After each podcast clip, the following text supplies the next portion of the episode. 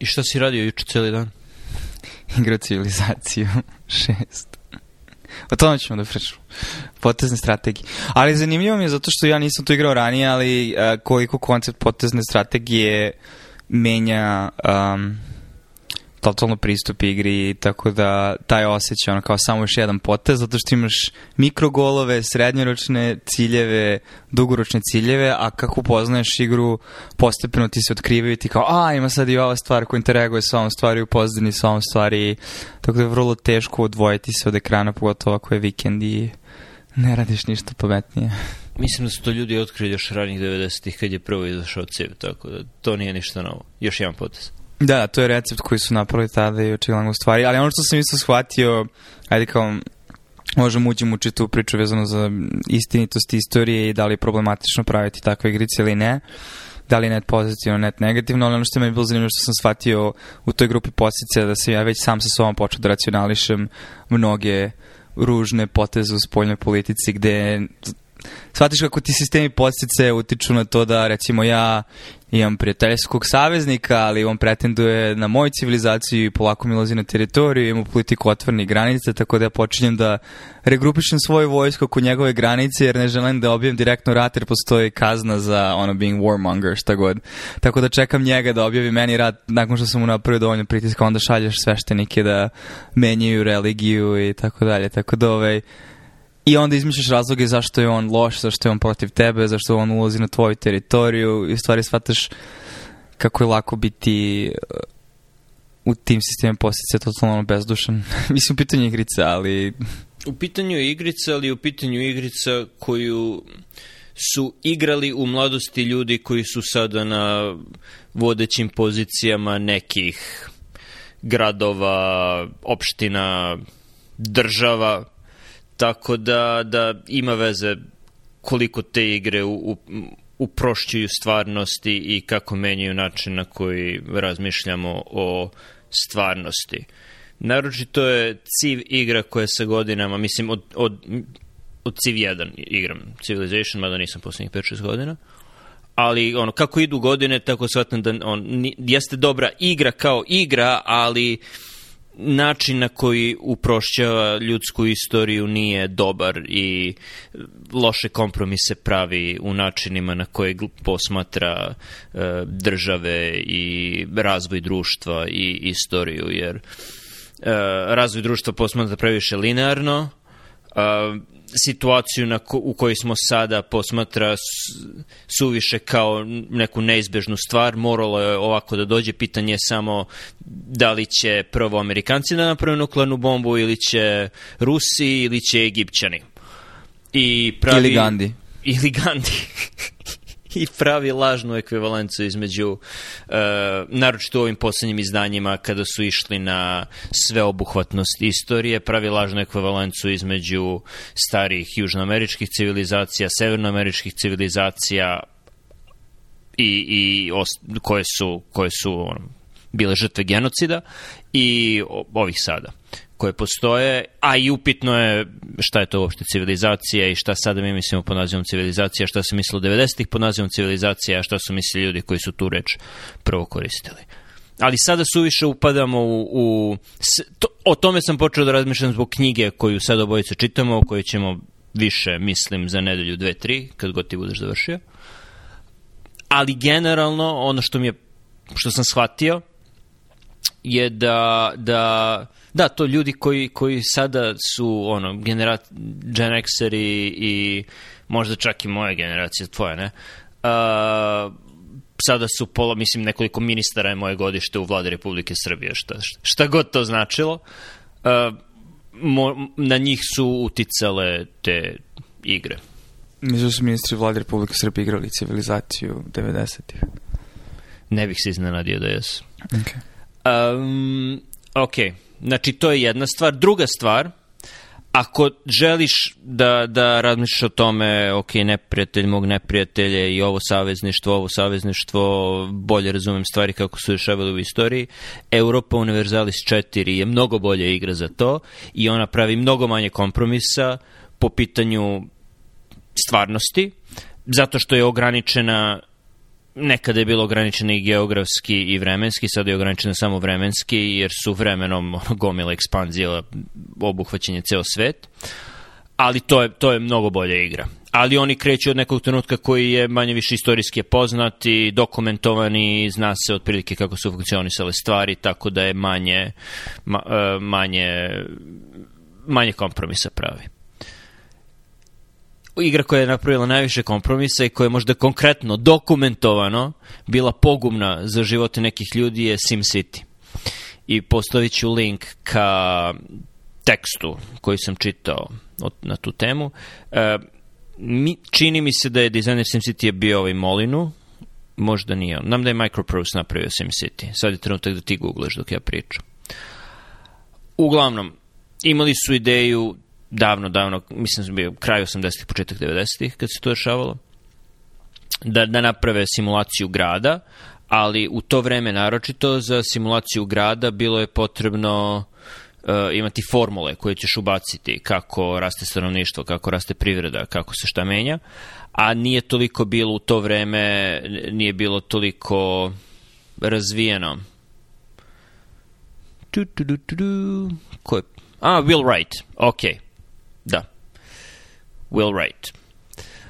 Uh, uglavnom, Will Wright je tražio formule i našao je formule koje su mu bile potrebne u knjizi jednog dosta konzervativnog ekonomiste koji je tim svojim formulama u stvari hteo da pokaže kako je segregacija jedna prirodna stvar koja je došla ne zato što su ljudi zli i žele da odvoje siromašne od bogatih, nego da to je prirodno stanje stvari, tako mora. Uh, I još tako neke stvari, znači na, postavljene su to je formula u toj knjizi pod premisom da je, da je klasno raslojavanje i da je propadanje centra grada i visok kriminal u tim delovima gde, je, gde su siromašni građani to da je to prirodno stanje stvari, a evo ove formule će da objasne zašto je to tako.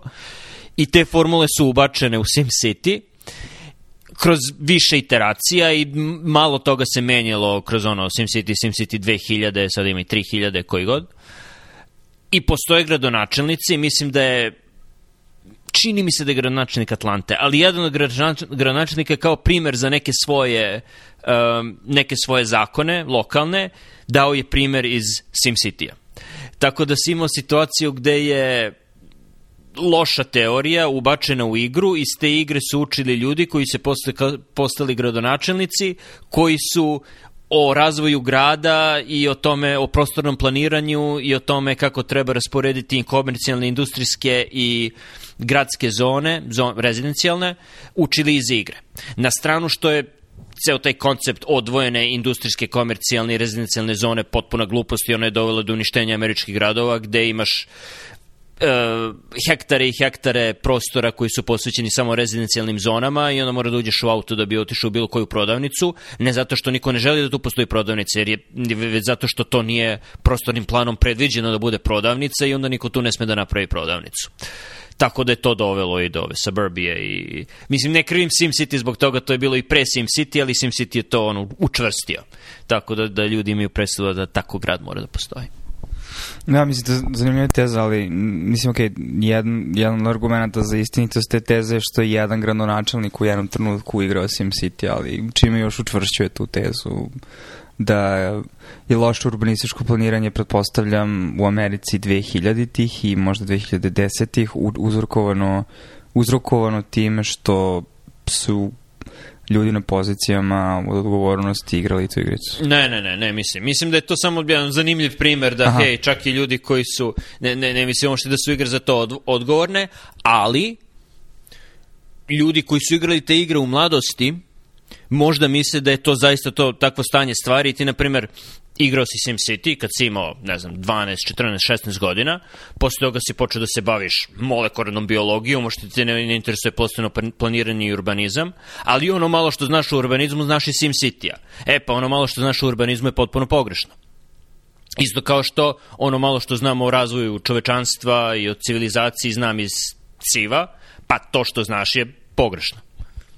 Zato mislim da više, više to loš uticaj na opštu kulturu ljudi koji su stručnjaci možda za neke druge stvari, ali ako o nečemu znam iz igara, mislim, glupo što uopšte mora to da pričam, jer da, ne, ne treba da učiš stvari iz igara. Ali se igre dobrim delom i prodaju kao edutainment, kao, ok, edukativne su, jao pa vidi, ovo je ovo je, učiš o istoriji, učiš o razvoju nauke iz Civilizationa, da, ali imaš loše kompromise i ne znaš, ne znaš šta tačno učiš. Da, mislim, s jedne tačke gleda, mislim, ako posmatraš to kao problem, ne mislim da je samo problem igara kao medija, mislim da generalno bilo kakvog drugog sadržaja koji ima istorijski kontekst, a onda u isto vreme neka vrsta nečega što konzumiraš. Da li to bila uh, Mislim, znaš, i Shakespeare, Richard, Shakespeareov Richard III nije istorijski dokument i mislim ima kritika na to da je to bila propaganda jedne od strane u ratu ruža i naravno da su ljudi napravljeni nakaradno, da su likovi ove, ovaj, parodije sam, istorijskih verzija sami sebe, ali to je verovatno uticalo na ljude u to vreme da posmatra na istorij, toke istorije na određen način ili ne znam, to što si gledao neku seriju u nekom trenutku koja je istorijska, meni Rim sad pada na pamet, ove, ovaj, da imaš taj neki lažni osjećaj da bolje znaš a, samu istoriju. Ali to je jedan nivo problema. Drugi nivo problema da ljudi koji su bili inspirisani istorijskim događajima, znaš, na njihove odgovornosti koliko će verno prikazati, a koliko je dramatizacija sama po sebi bitna ili da u igrici mehanika. Ono što je specifično, specifično sećam za civilizaciju, pošto ima intervju Sid Meier'a da priča kako su uopšte došli, treba prvo da bude real time strategija to gdje su provalili da je bolje da bude potezna. Znači, on citira mislim, čito je neku enciklopediju, knjigu istorijsku koja je imala razvoj otkrića i kako su jedna otkrića vodila do drugih otkrića u tehnologiji i to je inspirisalo one klasične Tech 3 koji, mislim, kasnije svuda u velikom broju igara tog tipa, čak i real-time strategijama, je, mislim, način na koji igraš i zgodno je za igricu, zato što ti vrlo jasno kategorički označava i menja način igre i olakšava ti planove, ali naravno da život nije takav, niti istorija takva, niti su ljudi takvi, niti su takve stvari tako dešavale. Tako da mislim da više nivoa te problematike u istoriji, zato što nije ni kao da su istoričari tog vremena, a, mislim i ti sam sad malo zalazim u tu drugu temu, ali oni su imali svoje pristrasnosti i posmatranja koji su onda uticali. Tako da imaš više stepena prepričavanja koji, ono, gluvih telefona koji iskrivljuju sliku stvarnosti, tako da, ok, znači sad, koliko, koliko uopšte treba da svesno se braniš od absorbovanja informacija uh, a, potencijalno dokonzumiraš neke sadržaje, a imaju istorijski kontekst. I mislim, ili možda pričaš o detektivskim serijama ili o lekarskim serijama za ljude koji nisu u u toj branši, mislim, isti je problem, zato što kod nekih ljudi može stvori lažno očekivanje o tome kako stvari funkcionišu u određenim sistemima. Mislim da postoji fundamentalna razlika između igara i ostalih oblika umetnosti, jer ostale stvari, mislim, pasivno gledaš, upijaš, nema previše razmišljanja i ono što je najbitnije nema povratne informacije uh, onoga što ti razmišljaš na ono, ono što gledaš, slušaš, čitaš. Kod igara, podsvesno, mislim, mislim mozak ljudski je između ostalog uh, jako dobar i, o, i u prepoznavanju zakonitosti i pravila i ono što u čemu su igre jako dobre je da kroz uh, ono, što je bolja igra, to će ti, ti tragovi zakonitosti biti blaži i ne toliko očigledni, ali tvoj mozak polako ukapira neku zakonitost i onda ti, da bi prevazišao neki problem, ti probaš nešto i po toj zakonitosti, ako je to tačno, ti dobiješ dobiješ novu nagradu, dobiješ onaj, kako se zove, onaj zamak koji se gradi u Civ 1, ne znam šta je kasnije bilo, napraviš svetsko čudo u Civilizationu, lepša je grafika, veće su slike, tako da dobiješ nagradu i, i zato se učvršćuju te, u, učvršćuju se te zakonitosti koje ti praviš u glavi mislim da su čvršće ako ih dobiješ preko igara nego preko bilo koje druge forme umetnosti. I zato mislim da ono što dobiješ iz igara može biti mnogo opasnije. Aha, misliš da stvore čvršće brase ponašanja koji podcastu mogu da utiču na donošenje odluka u stvarnom svetu kada kasnije... Ok, ja možda imam primjer toga, a Da. Ovo je zanimljiva tema, da što na neki način ljudi su... Počinu da gledam stvari da ono...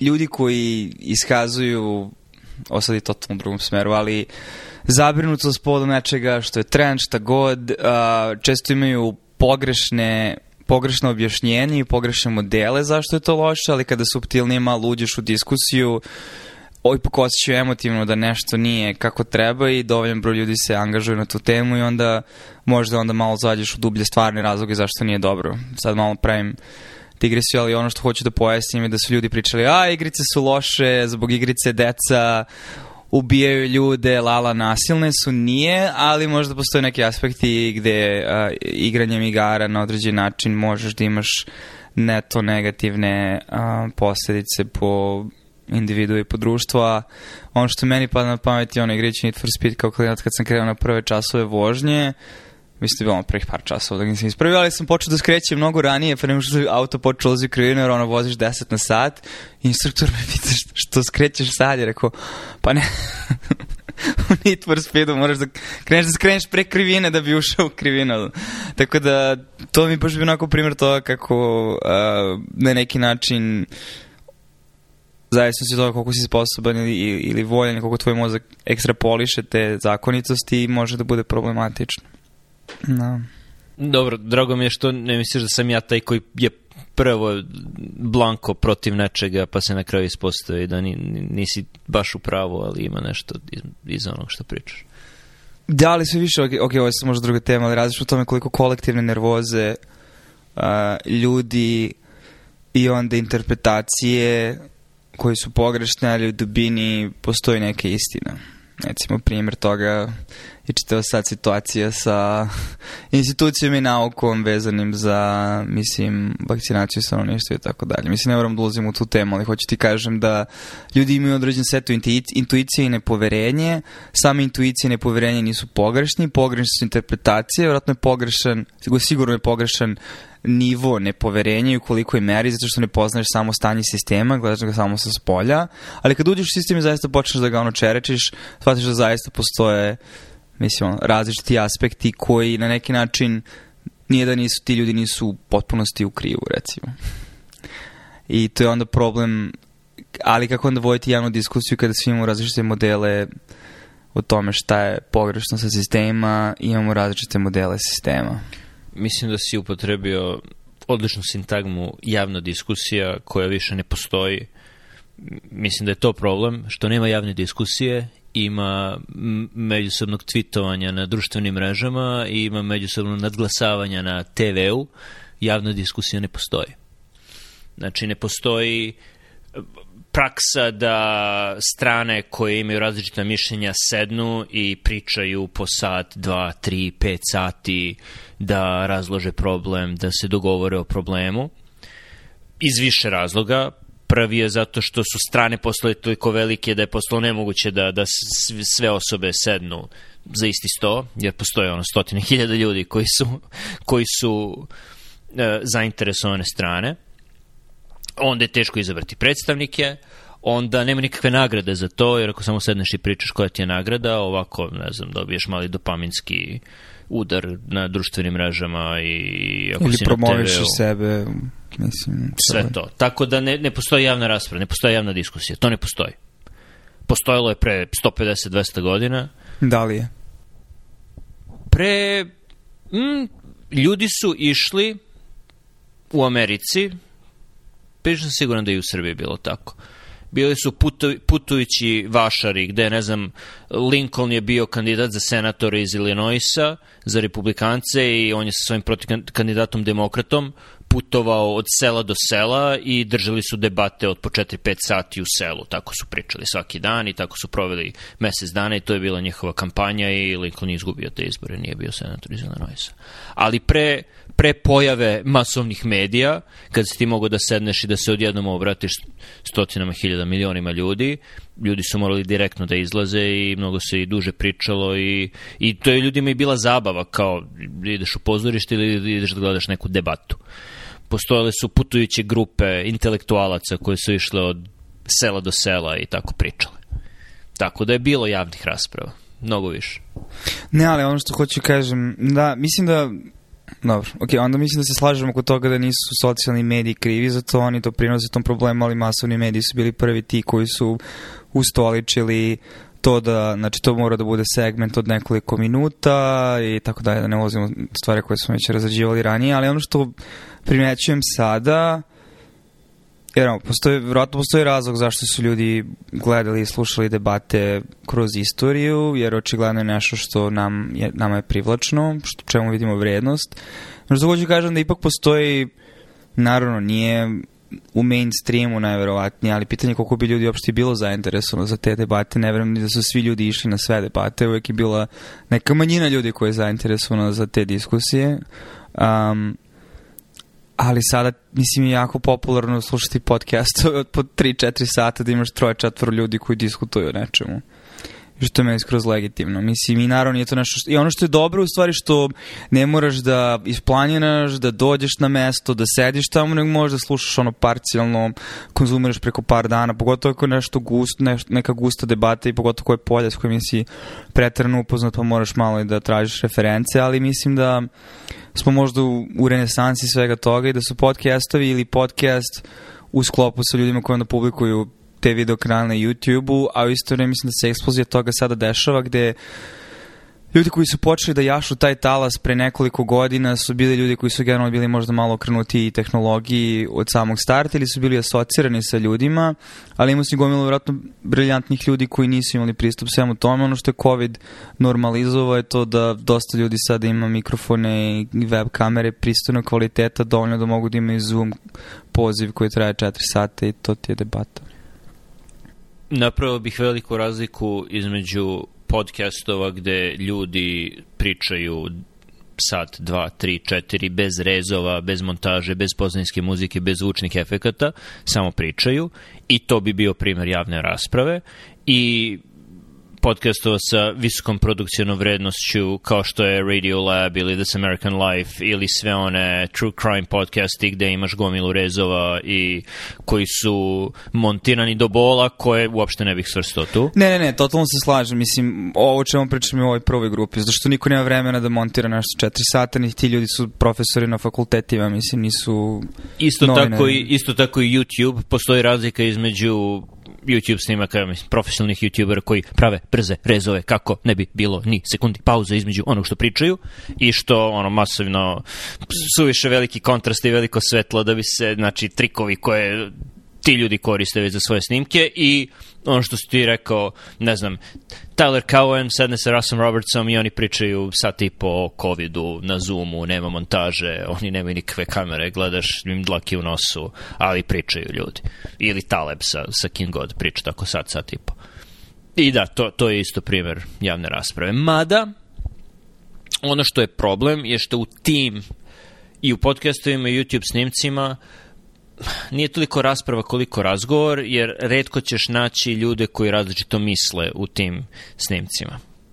A ako postoje, postoji neki razgovor gde ljudi različito misle, to, bi, to će obično biti sa moderatorom i pred publikom, što je ipak malo artificijalnije. Ipak Tako su bilo debate tako, ranije. Sad sam htio da kažem da, tako je bilo pre 150 godina, tako da da, sa te strane je u redu.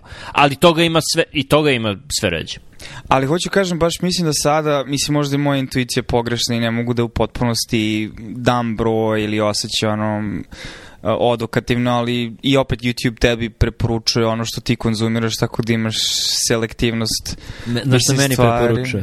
Mm, Baby Shark, pretpostavljam, i tako nešto. Da. Preozašli, preozašli smo Baby Shark, ali da. Da, mislim, ali on, ne, ne znam šta je, nisam, nisam u trendu. Uh, A Little Nightmares playthrough. A, čuo sam, čuo sam da je to jako popularno u tvom domaćinstvu. Uglavnom, ono što sam htio da kažem je da baš neki od stvari koje sam primarno konzumirao da su tog formata zadnjih, ne znam, 2-3 meseca, baš su koncipirani tako da ja su ljudi koji su iz sličnih polja ili polja koji imaju dodirnih tačaka, ali imaju vrlo različite ideje o problematici i dobar deo stvari razgovore prvo definisanje opšte problema i um, ono, usaglašavanje definicije i onda uh, dolazi do velikog broja slaganja oko stvari, ali stvarno velikog broja neslaganja i različite stvari na jedan vrlo onako pristojan a, način, mislim u velikoj meri zato što opet je niska produkcija, nisu veliki ulozi, nema nikakvih para, to su samo ljudi koji bi inače pisali, razumiješ, to su ljudi koji bi u 16. veku razmenjivali dugačka pisma, sada mogu samo da sednu i da se uključe i da pričaju sa drugim ljudima, da bacaju svoje ideje i onda ti čuješ nešto novo, neko drugi nešto definiše drugačije, da ti da neku referencu koju nisi imao pojma, zašto recimo nije iz naučnog polja kojim se ti baviš, ali opet je neki način vezano za celu tematiku. Um, tako da mislim da toga ima, pitanje da li će ga biti više, ne znam nikada da li će biti u potpunosti popularno, ono što sumnjam da ikada i bilo popularno. Mi gledamo na to zato što postoji istorijska dokumentacija i drugo, ti si sam po sebi selektovan pripadnik populacije. Čisto sumnjam da je celo selo, razumeš, odlazilo na te debate, vjerojatno... Te debate su bilo deo selskog vašara, tako okay. da je deo vašara pa dobro, došao da gleda pripit, to. Na, mislim, to je sad isto ono. Mislim, dobro, naravno, kulturološki kontekst i na koji način ćeš da podstakneš ljudi da slušaju to i kako ćeš da formatiraš, ali hoće kažem, ako ništa drugo, internet je doveo do toga da, da je razbio tu neku kako bi preveo convergence, mislim, osužavanje ka jednom obliku formata, um, i sada imaš mnogo veću distribuciju, tako da imaš klipove od 3 minuta, 5 sekundi, ali imaš i klip, ono, video snimke od po 4 sata i to je Ali sve vidiš, legitimno. Nisam znao da si toliki elitista. Zašto, zašto ne misliš da... Ja znam dosta ljudi sa sela, bar selo oko Jagodine, koji su jako zainteresovani za politiku i mm, vole da slušaju... Ne, pogrešno se shvatio. Nisam elitista, zato što postoje stvari ko koje ja ne idem, mislim, i debate koje mene ne zanimaju. Jednostavno, ljudi imaju različite sfere interesovanja i drugo, nemaju svi ljudi vremena da prisustvuju svakoj mogućoj stvari. A... Ne, ali ovo su, ovo su bile stvari, mislim, izbori za senatora okay, koji dolazi znači, iz tvoje države. Da, mislim, je... možda se tu sad malo ne usaglašavamo ideju toga šta je debata. Debata na nivou, znači, kao što se tiče izbora koji de facto determinišu tvoj tvoju neposrednu stvarnost ili ono intelektualna debata o, mislim, ono, epistemologiji ili šta god, mislim. Jasno, znači... ili debata ima par dobrih podcasta medicinski, jedan je Čadi Naban, ne znam da li slušaš to, ali on je onkolog koji dovodi ljude i ono što me postala specijalnost je da dovodi ljude koji imaju različita mišljenja o nekim onkološkim problemima i onda dovede nekog koji je ne znam šta je bilo, koji je za real world dokaze i nekoga ko hoće samo randomizirane studije i onda ih pusti da, da pričaju. I onda sam, tako da, da je to zanimljivo. Da, sumnjam da bi svako želeo to da sluša, ali to je primjer onoga o čemu ti pričaš, da, pretpostavljam. to, znači to, na taj način sam formirao, nisam formirao na način koji, ne znam, on, uskraći, mislim da neki ljudi, da, nije, nije elitistički pristup. Da, ali za najširu javnu raspravu mislim da, da hm to, to, toga ne, ne Da, mislim, ali, ok, znači okolišamo, ali čitam pojente COVID i COVID je nešto se tiče svih nas i da ne postoji javna, javna diskusija na tu temu, s time se slažem. Da. Da. Tu u smislu postoji javna diskusija, ti možeš da pristupiš različitih intelektualaca na internetu, ali postoji diskusija od ljudi koji su na pozicijama odgovornosti, koji se bave donošenjem odluka koji imaju de facto posledice. I to je ono, mislim, stvarnost u kojoj živimo.